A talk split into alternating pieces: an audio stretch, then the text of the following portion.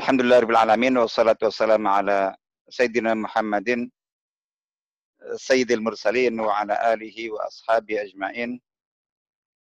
اللهم يا ربنا لك الحمد ولك الشكر كما ينبغي لجلال وجهك عظيم سلطانك. اللهم لا نحصي ثناء عليك أنت كما أفسدت نفسك. اللهم أت نفوسنا تقواها وزكى أنت خير من زكاها. أنت وليها مولاها اللهم ما أصبح بنا من نعمة أو بأحد من خلقك فمنك وحدك لا شريك لك فلك الحمد ولك الشكر والحمد لله رب العالمين uh, Alhamdulillah teman-teman semuanya yang dirahmati Allah Ta'ala semoga uh, kita semuanya senantiasa dalam lindungan Allah Subhanahu Wa Ta'ala uh, dalam limpahan rahmatnya dalam uh, curahan barakahnya dan khususnya pada hari ini kita berada di hari Jumat Eh, hari yang merupakan hari termulia eh, dalam apa dalam satu pekan disebut sebagai Sayyidul Ayyam.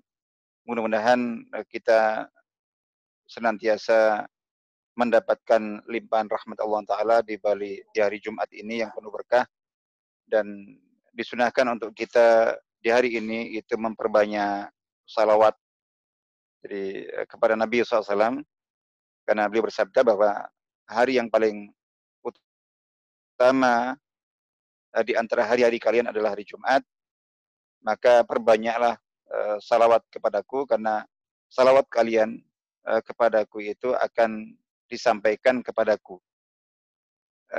Dan beliau akan menjawab insya Allah. Allahumma salli ala Sayyidina Muhammad wa ala ala Sayyidina Muhammad. Uh, walhamdulillah amin. Baik, ini tema kita pada pagi hari ini uh, sebetulnya bukan bukan kapasitas saya untuk berbicara tentang hal ini ya. Jadi tentang lockdown yang dipilih untuk kita bahas. Jadi ada para ahli, ada para pakar yang sebetulnya lebih uh, kompeten jadi untuk membahas tentang tema ini Uh, tapi karena memang ini Allah alam dipilih itu dalam konteks apa uh, untuk kita bahas, saya melihatnya dari sisi begini saja. Jadi uh, lockdown ini istilah yang sangat populer akhir-akhir ini, ya bersamaan dengan semakin apa meluasnya uh, apa itu keterpaparan atau keterdampakan dari sebaran virus uh, corona ini atau COVID-19 ini. Uh, ini menunjuk pada uh, apa itu sebuah sebuah langkah atau solusi uh, yang dirasa efektif dilakukan dalam rangka untuk memutus mata rantai sebaran virus COVID-19, yaitu dengan melakukan langkah lockdown. Jadi langkah lockdown. Jadi me, apa itu menutup ya, ya kalau secara arti kan mengunci. Jadi artinya bahwa e, misalnya sebuah negara itu dilakukan lockdown, maka negara itu dikunci.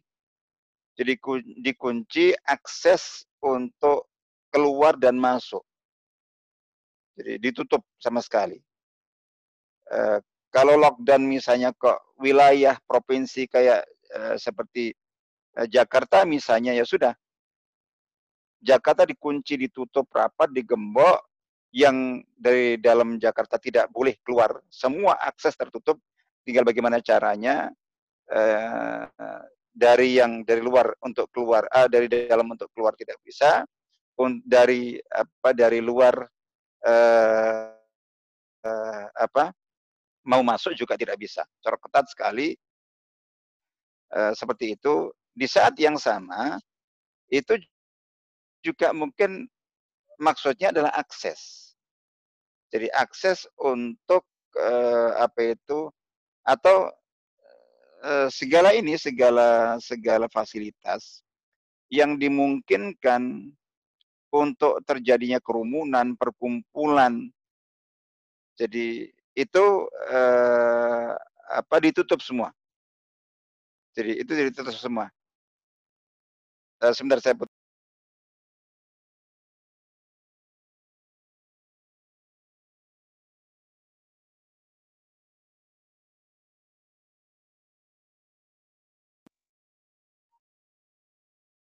Baik, eee jadi itu maksudnya dan ini sebetulnya tujuannya adalah itu merupakan salah satu yang sudah disepakati gini, yang sudah disepakati adalah bahwa jadi karena masalah COVID-19 ini, virus COVID-19 ini atau virus corona ini itu masalahnya itu ada pada sebaran.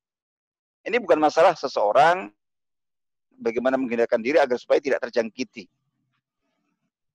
Jadi tapi itu tidak bisa terjangkiti, tapi masalahnya adalah bahwa yang paling bahaya itu adalah bahwa jadi ada seseorang itu yang dia tidak terjangkiti. Ini salah satu yang yang luar biasa dari virus ini. Tidak terjangkiti si A misalnya tidak terjangkiti karena uh, apa mungkin uh, antibodinya hebat, kuat, uh, imun dirinya itu luar biasa sehingga tidak tapi dia itu tetap bisa.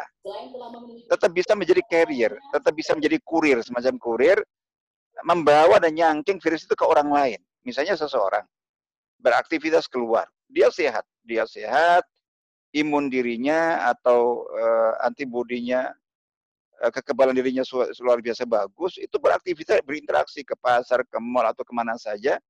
Nah di sana dia mungkin kontak bertemu, berinteraksi dengan orang yang terinfeksi. Yang orang itu bisa juga eh, bisa orang yang sudah memang terinfeksi dan sakit terbukti atau yang tidak. Tapi yang jelas dia membawa. Nah, akhirnya kemudian dia dia bisa membawa virus itu. Terus kemudian setelah itu uh, dia bawa pulang. Dia tidak sakit, dia tidak terinfeksi, dia tidak terpapar, dia tidak terjangkiti, tapi virus itu ikut ke dia. Sampai rumah ada istrinya yang mungkin sedang batuk-batuk. Ada uh, apa itu mungkin apa? Jadi ada ibunya yang sudah tua, apalagi kakek neneknya, bapaknya, atau bahkan ada yang sakit. Nah, virus yang dia bawa sementara dia sakit itu sampai ke rumah akhirnya kemudian menjangkiti salah satu keluarganya itu uh, yang dalam kondisi tidak fit Nah, dia yang nanti akan terjangkit dan akan nyebar ke mana-mana dan ke yang lainnya. Nah, dari situ akhirnya kemudian yang harus dilakukan adalah bagaimana jadi kalau seandainya eh, seandainya bahwa virus ini itu nular oke. Okay. Nular oke. Okay. Nular ke si A, si B, si C. Yang tertular itu langsung langsung drop saat itu juga. Jadi gitu. Jadi tandanya jelas, tertular drop, dan kemudian hanya itulah yang membawa virus itu ke mana-mana. Sementara orang yang sehat, orang yang kuat itu itu tidak terjangkiti, tidak menunjukkan tanda-tanda, itu berarti dia juga nggak membawa. Jadi gitu. Kalau seperti itu mudah. Cukup di karantina, diisolir yang jelas terjangkiti sakit sudah. Orang sehat aman. Jadi gitu, orang sehat aman. Kita berinteraksi dengan sesama orang sehat aman. Tapi masalah ini tadi, pertama adalah virus ini itu sangat sulit sekali untuk di, diketahui. Jadi salah seorang dokter ahli baru, eh, salah seorang spesialis, dokter Faiz yang kita bisa tonton videonya eh, apa dua pekan lalu barangkali atau lebih, itu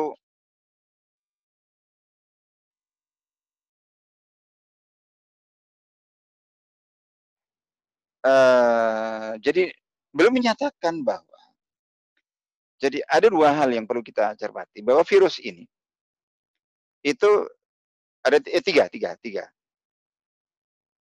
Pertama adalah bahwa orang yang uh, terinfeksi atau terjangkiti terpapar ini itu tidak mudah menunjukkan indikasi.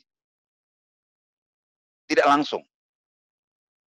Hari ini kena, belum tentu nanti sore, besok, besok lusa, itu menampakkan tanda-tanda. yang bisa dikenali, dia tetap kelihatan sehat. Padahal sudah kena. Jadi, nah saat itu dia sudah ke mana-mana, itu virus menyebar ke orang lain. Oke? Nah, yang kedua, setelah eh, apa itu jadi virus itu menjangkiti si A yang dalam rentang waktu eh, dua, tiga, empat dan berapa hari sampai dikatakan 14 hari itu itu sebagian ah kelihatan ada tanda-tanda. Jadi tanda-tanda mungkin demam, batuk, eh, apa bersin-bersin dan apa kondisi tidak stabil. Jadi gitu. Nah, tapi setelah sekitar 12, 13, 14 hari itu, yang menunjukkan tanda itu hanya 15 persen. 100 orang positif terjangkiti, terpapar, terinfeksi, tapi sampai 14 hari, yang menunjukkan tanda yang bisa dikenal itu hanya 15 persen. 85% tetap tidak menunjukkan tanda yang bisa dikenali. Allah kapan akhirnya kemudian ketahuan mungkin ketika suatu saat dia drop gitu baru ketahuan tapi ketika tidak nggak ketahuan. Jadi selama ini kan akhirnya uh, ketetapan seseorang dikatakan sebagai UDP itu karena dia pernah berinteraksi berhubungan sepekan lalu atau se uh, apa itu dua pekan lalu itu dia dalam sebuah acara dengan orang yang ternyata positif Baru begitu seperti itu. Dikira-kira oh berarti ODP. Jadi gitu. Diperiksa baru ditetapkan PDP dan seterusnya. Ya, jadi seperti itu. Nah, tadi ini bahwa pertama adalah bahwa ketika virus ini menjangkit tidak e, cepat, beda dengan tahun yang mungkin hari ini kena langsung dalam hitungan menit bahkan jam apa e, mungkin jam pagi siang langsung kelihatan atau sore. Ini enggak langsung. Yang kedua adalah bahwa yang sudah ditunggu masa, biasanya eh, dia menunjukkan dampaknya itu positif atau tidak, itu pun juga tidak langsung kemudian bisa dikenali dengan mudah. Mungkin ketika diperiksa intensif. Tapi yang diperiksa intensif itu kan orang yang sudah ada riwayat. Dia bersentuhan, dia berinteraksi, dia pernah berada dalam satu acara dengan orang yang sudah positif. Kalau yang tidak ketahuan, bang dia di mall kenanya, atau mungkin di masjid, atau mungkin di mana saja, nggak tahu. Jadi gitu. Jadi insya Allah begitu. Nah ini yang kedua bahwa setelah sekian lama itu pun itu yang menampakkan tanda yang bisa dikenali itu hanya 15 persen, 85 persen itu dia membawa virus ke mana-mana dan sebetulnya e, positif tapi tetap tidak menunjukkan tanda. Yang ketiga yang lebih dahsyat adalah bahwa bah bahkan orang yang tidak terinfeksi, tidak tertular. Orang tetap sehat. Begitu. Dia sendiri bisa menjadi carrier, bisa menjadi kurir, bisa menjadi pembawa virus itu ke orang lain yang bisa terinfeksi. Nah, dari sini akhirnya kemudian ah, seperti itu. Luar biasa. Nah, sementara di uh, apa dalam masyarakat seperti sekarang itu kan apa ya, jadi mobilitas pergerakan manusia luar biasa. Berkat ya pertama karena memang sudah tidak ada jadi sekat-sekat e, teritori sekarang ini itu lebih bersifat formalitas. Kalau untuk negara antar negara atau e, wilayah ke wilayah, tapi orang tinggal tidurnya ya kayak contoh misalnya di Jawa Timur ini. Orang tidurnya keluarganya ada di Sidoarjo, tapi hari-harinya aktivitasnya kerjanya di Surabaya. Bertahun-tahun seperti itu. Atau sebaliknya. Dia tinggal di Surabaya, tapi e, kerjanya tiap hari harus berangkat itu menuju Sidoarjo, e, Gresik, Mojokerto, dan seterusnya. Terus orang muter aja terus. Ada orang Surabaya, tapi mungkin di Surabaya barangkali itu hanya dua tiga hari. Selebihnya itu ada di Jakarta, ada di Batam, ada di mana saja bahkan ada di Singapura, ada di Malaysia. Oh ada orang yang wirawiri ke luar negeri. Jadi kita bahwa jadi tidak bisa dibatasi terus uh, mudahnya jadi pertama kebutuhan. Jadi bagi pebisnis, bagi apa tugas-tugas semacam itu. Yang kedua adalah memang mudahnya transportasi. Dulu orang itu mudah di apa mudah di ini kan jadi mudah di apa di ini kan di apa di mudah di uh, apa sebuah kota wilayah di lockdown itu misalnya atau ditutup itu mudah waktu itu karena apa? Uh, pertama adalah gerak dan uh, apa? Jadi di mobilitas orang masih terbatas, orang masih sedikit, jadi gitu. Orang masih sedikit, terus kemudian geraknya masih terbatas, mudah di dipantau karena apa? Orang bergerak itu untuk keluar masuk dari mana-mana, sarananya jalan kaki. Jadi sarana jalan kaki, sarananya apa itu? Yang kedua naik kendaraan itu ya antara onta ke ledai. Jadi gitu. Dengan jumlah yang sangat terbatas sekali juga mudah waktu itu udah. Begitu jangan masuk ke sana di sana ada virus, yang di dalam jangan keluar. Itu gampang sekali. Sekarang mau luar biasa. Makanya kemudian, nah ini akhirnya kemudian intinya karena sifat virus itu seperti itu, eh, bahayanya di penyebaran, dan penyebarannya itu lebih banyak yang tidak mudah dipantau. Karena pertama adalah eh, dia apa meng, ini me, apa menjangkiti orang itu tidak mudah langsung langsung uh, ketahuan. Jadi yang kedua adalah bahwa yang sudah jelas terjangkiti pun tidak uh, hanya 15% yang menunjukkan tanda-tanda yang menjadi kenali. 85% itu sebetulnya sudah terjangkiti, sudah terinfeksi tapi tidak keta, tidak tidak terlihat. Terus kemudian tidak dia tidak diperiksa. Jadi gitu. Kemudian yang ketiga adalah uh, apa ini? Jadi yang ketiga bah kan yang bisa membawa memindahkan virus ini orang yang sehat, nggak pernah terjangkiti, tidak terpapar dia. Nah dari situ eh, tadi saya kata bahwa seandainya ini mudah diketahui dan ini nyebar hanya lewat orang yang sudah jelas-jelas sakit. Itu gampang, yang penting orang yang sakit sudah dilarang ke mall, dilarang ke di karantina. Itu gampang. Yang sehat, yang tampak aman. Tapi ini tidak. Orang yang kelihatan sehat ternyata sakit orang yang bahkan sehat pun bisa memindah itu. Sehingga akhirnya udah nggak bisa. Nggak bisa siapa yang harus dikarantina, siapa yang harus diinikan, maka akhirnya kemudian, nah dari situ udah. Pokoknya tidak boleh akses, uh, tidak boleh orang masuk, tidak boleh orang tidak boleh orang keluar. Nah di dalam negara itu juga dibatasi. Pergerakan antar orang semua semua apa semua tempat, semua fasilitas, semua akses yang memungkinkan orang untuk berkumpul, untuk ber, Eh, sentuhan untuk berhubungan itu ditutup semuanya sehingga seperti contoh eh, fasilitas umum seperti eh, pasar, mall dan segala macam itu itu kemudian di dihentikan itu sebagai konsekuensi agar supaya tidak ada bahkan termasuk ke masjid-masjid. Jadi itu maksudnya, jadi gitu itu maksudnya. Jadi sebetulnya ini adalah salah satu apa ya, mungkin bentuk yang paling ekstrim yang paling asli. Jadi menonaktifkan aktivitas, menonaktifkan uh, apa itu? Jadi mobilitas manusia untuk menghindari uh, persentuhan, pertemuan, perhubungan dan uh, perkerumunan. Jadi seperti itu. Terus dari satu negara itu tidak uh, keluar dari uh, dari luar tidak bisa masuk, dikunci betul, kemudian aktivitas dibatasi dengan pembatasan yang seketat-ketatnya, maka negara-negara yang melakukan lockdown itu ya jalan-jalan sepi, mal-mal tutup, eh, toko-toko tutup dan masjid-masjid tutup semuanya, aktivitas orang di rumah semuanya. Jadi sebetulnya ini adalah bentuk dari ya pelaksanaan dari ini, dari social distancing itu. Jadi artinya bahwa uh, melakukan tindakan menjaga jarak bahwa antara dua orang itu tidak ada uh, apa tidak tidak terjadi interaksi berada pada jarak yang berdekatan itu uh, apa itu kurang uh, dari satu meter atau bahkan dua meter. Jadi intinya begitu. Tapi uh, akhirnya dengan cara ekstrim akhirnya di, dikunci lockdown itu. Jadi seperti itu.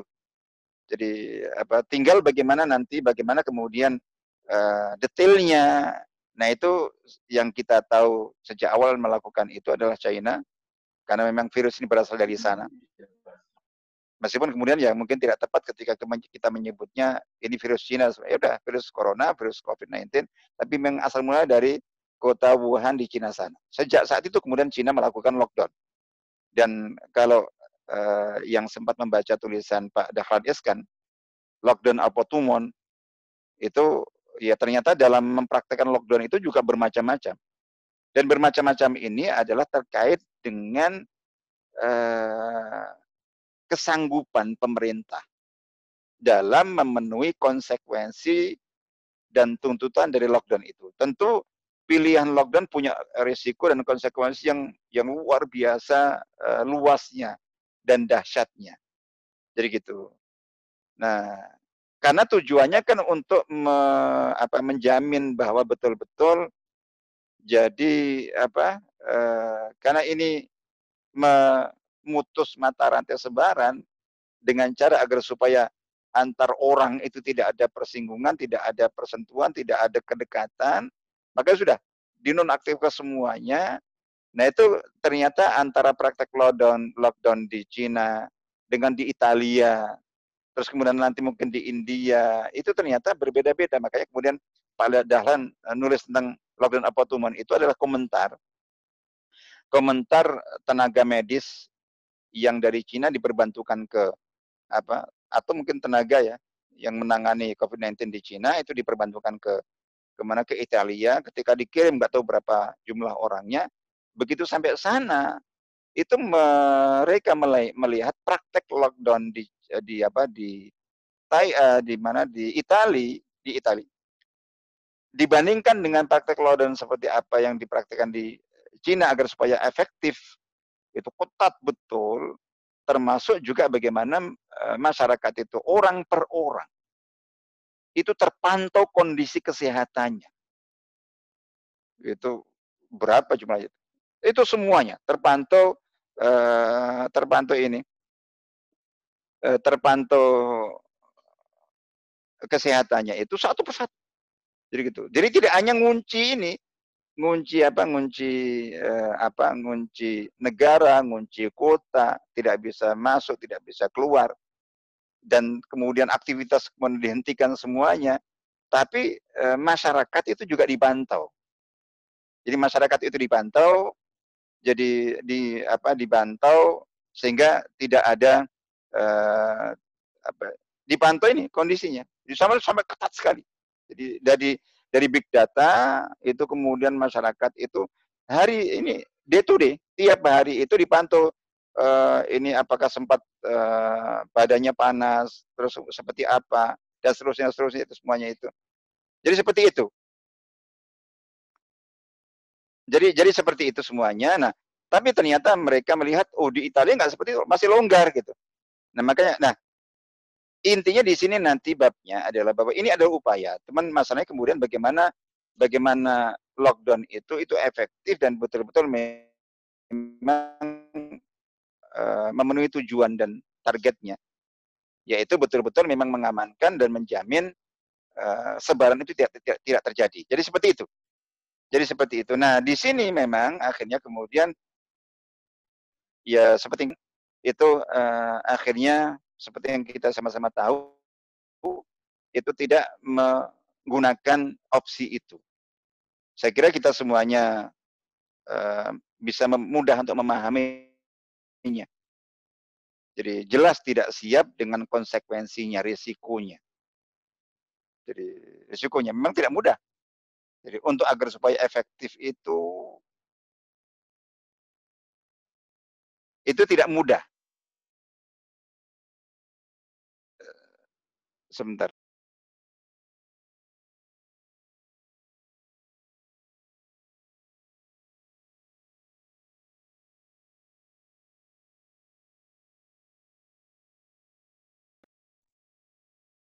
Mohon maaf. Uh, jadi itu intinya begitu. Jadi ada uh, apa itu sehingga akhirnya kemudian yang dipilih wallah alam persisnya antara karantina wilayah atau pembatasan sosial uh, secara secara ketat atau bagaimana nanti tekniknya, detailnya saya sendiri juga kurang begitu mengikuti, tapi intinya adalah uh, tidak memilih opsi lockdown dalam arti menutup akses sehingga uh, apa itu ya dengan begitu yang perlu kita kita pikirkan adalah ini bagaimana caranya agar supaya eee, ini kan sudah, apa, sudah banyak di antara masyarakat perantau yang ada di Jakarta, Jabodetabek itu, itu ribuan jumlahnya akhirnya kemudian, eee, mudik. Yang ini berpotensi untuk, eee, apa, jadi mengakibatkan sebaran yang lebih lu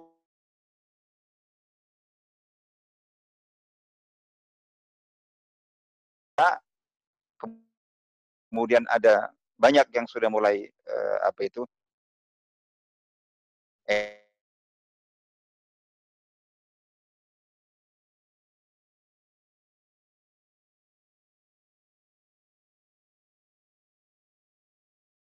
negara Italia itu ada 25%. Akhirnya 25% itu dis eee, di apa, diputuskan untuk di-lockdown. Nah, sepertinya, mmm, mungkin pemerintah mengumumkan bahwa penerapan lockdown di 25% wilayah, eee, Italia itu akan dilakukan mulai besok misalnya begitu.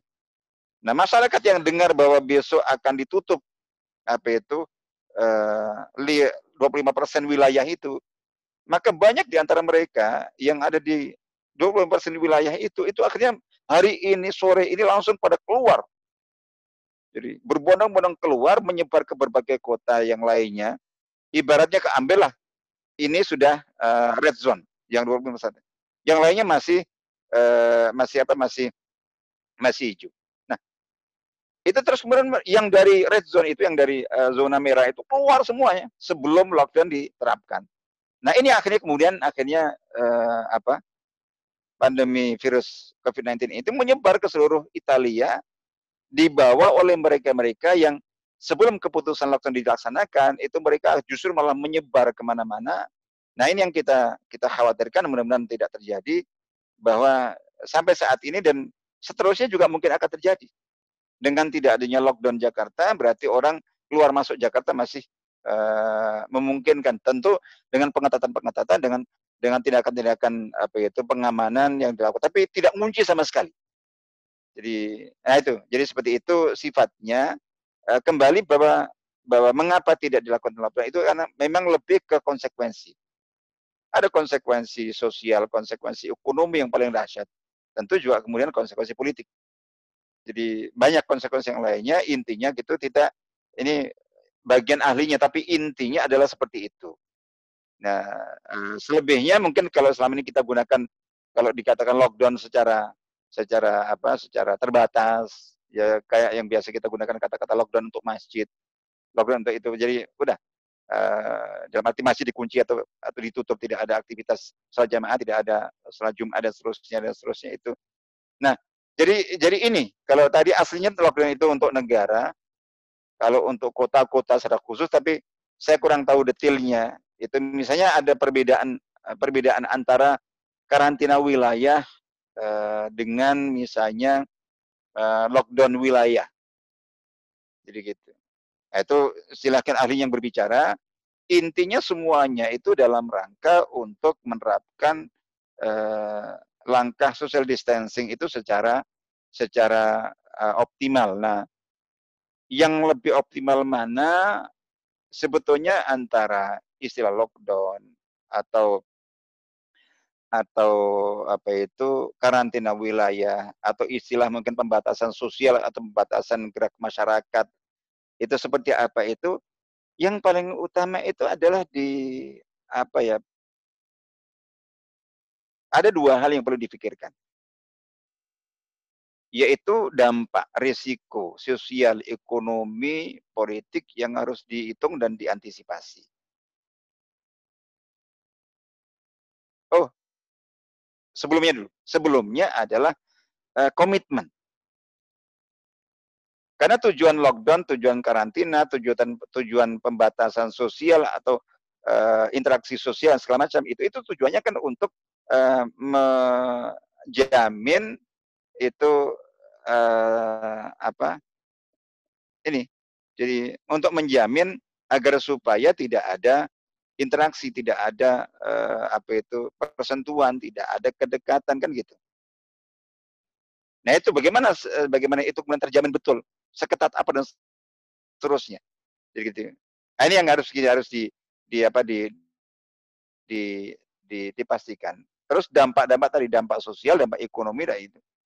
Jadi ketika tidak ada uh, apa itu gerakan massa, tidak ada mobilitas massa, tidak ada ini uh, di tempat-tempat umum itu ditutup, ini kan orang jualan mungkin bisa tidak laku, tidak ada yang beli dan segala macam fasilitas-fasilitas atau uh, orang-orang jual jasa apa pun itu akhirnya kemudian sepi. Bagaimana dampaknya seterusnya ini yang harus dihitung. Tapi yang pertama adalah bagaimana itu bisa efektif. Jadi efektif dilaksanakan. Nah itu tentu yang paling utama di situ, baik lockdown, karantina wilayah, pembatasan uh, apa itu interaksi sosial dan segala macam itu, itu adalah bahwa bagaimana itu betul-betul secara apa? Jadi memang komitmennya memang kuat untuk itu dilaksanakan. Yang kedua adalah uh, konsekuensi dampak-dampak itu juga harus di, dihitung. Karena kalau misalnya, oh isinya lockdown, ambillah sebagai contoh, negara lockdown dari luar nggak masuk, dari dalam nggak nggak keluar. Tapi di dalamnya itu longgar. Orang ke sana mau memang penyakit sudah ada di dalam. Nyebar terus bisa kayak gitu. Itu satu. Lalu kemudian tadi dampak sosial, ekonomi dan politik seterusnya ketika tidak dihitung ini juga uh, bisa berbahaya. Jadi kita sendiri juga bisa memaklumi. Jadi memaklumi uh, itu tapi ya ini babnya itu. Terus gimana? Ketika tidak diambil opsi lockdown itu itu ya apa yang yang apa yang dilakukan dan betulkah itu efektif? Kalau memang tujuannya untuk untuk itu. Nah ini yang harus kita apa secara umum uh, kita hanya ini yang yang bisa saya apa karena ingin bukan kita bukan ahlinya uh, sekedar untuk kita bisa memahami sebetulnya esensinya itu bagaimana social distancing atau social distance itu bisa dilaksanakan, bisa terwujud mau lockdown, karantina wilayah, pembatasan interaksi sosial, sama aja silakan, apa pun. Yang penting itu dilaksanakan komit, bagaimana detailnya seperti apa, terus kemudian bagaimana kemudian uh, dihitung dampak-dampak dan konsekuensi-konsekuensi dan risiko-risiko uh, yang sangat banyak. Dan ini ya tentu banyak pihak karena memang semua berhubungan. Dan kalau bagi apa masyarakat atau kita di wilayah agama, di wilayah syar'i, dalam hal ini seperti Majelis Ulama Indonesia, terus kemudian para para ulama, para kiai, para ustadz, ya memang wilayahnya wilayah agama, maka kemudian yang menjadi fokus mereka adalah bagaimana uh, tujuan social distance atau social distancing itu dilaksanakan di lingkungan yang menjadi jangkauan mereka. Aktivitas keagamaan seperti dakwah, jadi kerumunan massa ada aktivitas kajian, pengajian, tablik akbar atau asghar, istighosah, doa bersama, jadi dan semua aktivitas apa pun. Terus sampai kemudian pelaksanaan eh, keagamaan yang berupa ibadah. Sholat berjamaah, terus sholat Jumat. Nah dari situ maka kemudian karena memang tentang social distance dan menghindarkan menghindarkan apa menghindarkan uh, apa perkumpulan, perkerumunan, persentuhan, kedekatan antar orang secara fisik, tidak hanya persentuhan bahkan kedekatan. Itu maka uh, itu semuanya tidak bisa terwujud kalau aktivitas-aktivitas ke keagamaan yang bersifat dakwah atau seremoni-seremoni dan segala macam itu berbagai aktivitas uh, keagamaan Islam ini biasa di masyarakat kita semua itu me, apa, menghimpun massa. Jadi dalam jarak yang dekat rata-rata. Apalagi sholat jamaah atau Jumat. Itu yang namanya sholat jamaah itu, itu sholat jamaah itu soft. Soft itu ya rapat, itu nempel. Itu namanya soft.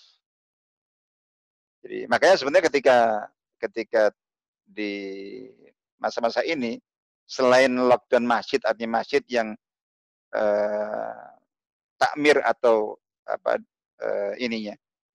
Jadi eh, DKM-nya memutuskan atau pengurusnya memutuskan untuk meniadakan sholat eh, berjamaah atau jumatan, ada masjid-masjid yang tetap mengadakan sholat. Tapi tadi dengan menerapkan social distancing apa itu tujuannya yaitu dengan uh, membuat dalam tanda kutip istiadat baru. Jadi apa itu dalam apa itu mengatur uh, jamaah. Jamaah. Jadi jamaah itu softnya dibuat renggang. Sehingga jaraknya minimal uh, itu satu meter, bahkan bisa satu setengah meter. Nah, ketika itu yang dilakukan yang menjadi pertanyaan itu betulkah itu disebut soft? Kalau jaraknya antara orang dengan orang itu satu meter, satu setengah meter. Oke, itu tiga, tapi intinya adalah itu. Sehingga yang terjadi selama ini itu ada ada apa itu ya ada yang sampai lockdown masjid eh, dalam arti masjid itu sudah sementara di, di nonaktifkan eh, seluruh kegiatan keagamaan baik yang bersifat ritual sholat maupun uh, aktivitas dakwah dan pengajian kajian itu uh, ditiadakan semuanya atau masih ada yang masih juga jalan tapi dengan uh, beberapa langkah pengamanan. Nah, itu memang itulah wilayah wilayah ahli agama, wilayah uh, ustadz, wilayah mubalik, wilayah kiai. Jadi, nah ini yang uh, kadang ada lagi, loh ini kenapa kok masjid-masjid malah ditutup sementara mal-mal buka, biskop buka, uh, apa tempat-tempat dukam buka. Jadi apa artinya masjid uh, ditutup kayak misalnya buka semuanya? Jadi saya kira uh, apa yang kemudian arahnya itu adalah mempertanyakan, mempersoalkan ketika masjid itu lockdown. Logika ini tidak tepat. Jadi logika ini tidak tepat karena sejak awal kita sudah sepakat bahwa aslinya semuanya semuanya itu seharusnya harus melakukan social distancing semua kerumunan itu harus di, di apa ditiadakan aslinya begitu itu sudah sepakat. Nah di sini eh, dari sisi ulama baik lembaga keulamaan seperti MUI, ke organisasi Islam, para kiai, para ulama, para ustadz dan para mubalik ya sudah sudah mentaati itu dan aktivitas Islam sudah karena itu kesepakatannya. Nah itu langkah itu udah benar. Jangan dipertanyakan karena yang lainnya tadi mall ini masih buka yang harus dipertanyakan mengapa mereka masih buka. Jadi gitu. Ini sudah tepat. Jadi logikanya kita harus itu, oh percuma dong. Jadi eh, ini ibaratkan gitu kan. Ini ada, pelanggaran massal. Jadi, kalau mau eh, hilang dan kondisi menjadi baik, ya udah semua diserukan jangan ada yang melanggar. Semua menghentikan pelanggarannya. Jadi gitu. Ya contoh lah, misalnya kayak lalu lintas saja gitu. Jadi ini pas lagi lampu traffic light-nya uh, padam atau mati. Jadi gitu. Udah, gara-gara itu terus kemudian atau mungkin bahkan ada traffic light tapi tidak ada yang yang yang mematuhi. Jadi ini ada yang dari jalur yang di situ uh, apa lampunya merah terabas saja. Kuning terabas saja. Jadi kita begitu. Yang sana gitu, yang sana gitu. Yang yang hijau jalan, yang kuning, yang merah terabas juga. Jadi gitu. Ini kalau mau aman harus mau taat. Jadi kayak gitu. Itu udah sepakatan. Ini masalah bersama kalau tidak bahaya. Akan ada kecelakaan, akan ada tabrakan. Sudah, kita ada di situ apa yang harus kita lakukan? Ya sudah, kita mentaati itu. Kita aja yang lainnya. Satu, dua, tiga, empat, lima. Dari 100 orang, ada 10 orang yang mentaati, tapi 90 tidak. Gimana? Apakah karena, oh percuma nggak manfaat? Apakah terus kemudian langkah kita, ya sudah kalau gitu, yang 10 nggak nggak perlu taat, apa melanggar sekalian aja. Apa begitu logikanya? Nah, ini babnya di situ. Jadi sekarang ini bahkan levelnya ustadz sekalipun banyak yang mempertanyakan apa artinya lockdown masjid, lockdown pengajian, bahkan lockdown sekolah. Sekolah semua sepakat diliburkan. Pesantren, pesantren diliburkan semuanya. Jangan dipertanyakan kenapa, tapi kenapa yang lainnya tetap melanggar. Gitu. Jadi gitu. Ini yang yang eh, kita juga perlu belajar ngurutkan logika seperti itu. Jadi karena sampai saat ini itu banyak yang pertanyakan ya kayak sekarang ini hari Jumat. Itu udah mulai pertanyaan ini ada masjid-masjid yang ditutup gimana itu? Uh, kalian takmir masjid, pengurus masjid uh, siap mempertanggungjawabkan Allah Taala, meniadakan sholat Jumat yang merupakan wajib itu dan segala macam itu. Ini udah kesepakatan dari awal gitu. Terus mereka yang yang dipekat dulu itu mal masih buka. Jadi mall masih buka, ini mungkin uh, tempat dukung masih buka, karaoke masih buka kayak gitu. Itu sama seperti tadi itu. Jadi 10 orang mentaati rambu lalu lintas ketika ada merah bahkan mulai kuning itu dia sudah berhenti tapi 90 orang yang lain melanggar semuanya. Yang disalahkan kenapa kamu ke berhenti, wong yang lainnya tidak. Nah, ini, jadi seperti itu, itu logikanya seperti itu. Ya saya kira itu ya. Jadi secara umum ini hanya untuk kita memahami saja. Dan kita bawa ke arah yang saya kira sudah banyak kita bahas, ya di wilayah keagamaan, itu logikanya begitu. Karena sampai akhir itu saya masih e, biasa menerima syubhat pertanyaan seperti itu. Jadi gara-gara berdalil dengan dengan apa dengan eh, apa jadi banyak tempat fasilitas yang masih pada buka belum di lockdown itu terus kemudian dipakai dalil untuk mempertanyakan. Mempertanyakan eh, apa itu kenapa masjid pengajian kajian itu kok kemudian di eh, di apa dihentikan atau ditutup. Yang lainnya itu nah itu kalau untuk mudahnya permisalannya adalah seperti tadi 90 orang eh, melanggar lampu lalu lintas yang disalahkan yang 10 yang taat. Karena dikatakan percuma, oh yang lainnya tetap melanggar juga. Ayo melanggar sekalian. Jadi jadi seperti itu. gitu. Baik, insya Allah itu secara umum. Ya ini hanya memahami kita tidak masuk ke ke tema yang lebih jauh yang itu wilayahnya para ahli. Jadi para ahli e, masalah lockdown negara, wilayah, bahkan wilayah, bahkan kota dan seterusnya. Terus termasuk juga Surabaya yang tadinya semula ingin menerapkan uh, apa ya menerapkan karantina wilayah terus tidak jadi diganti dengan apa pembatasan sosial uh, berskala besar atau seperti apa saya kurang tahu persisnya. Uh, yang terpenting bagi kita adalah bahwa ada komitmen cara yang ditempuh itu betul-betul efektif untuk uh, mewujudkan tujuannya yaitu terjadi social distancing terus kemudian risiko dampak itu yang harus dipikirkan secara uh, secara kuat. Saya kira itu insya Allah uh, kajian kita pada pagi hari ini. Jadi mudah-mudahan sekedar untuk uh, apa sharing jadi uh, apa tentang masalah ini dan dan sebagai bekal kita untuk memahami masalah saja. Saya kira yang ingin tadi saya sampaikan. Uh, saya cukup sampai di sini. Semoga bermanfaat. Uh, Wabillahi taufiq wal hidayah. Wassalamualaikum warahmatullahi wabarakatuh.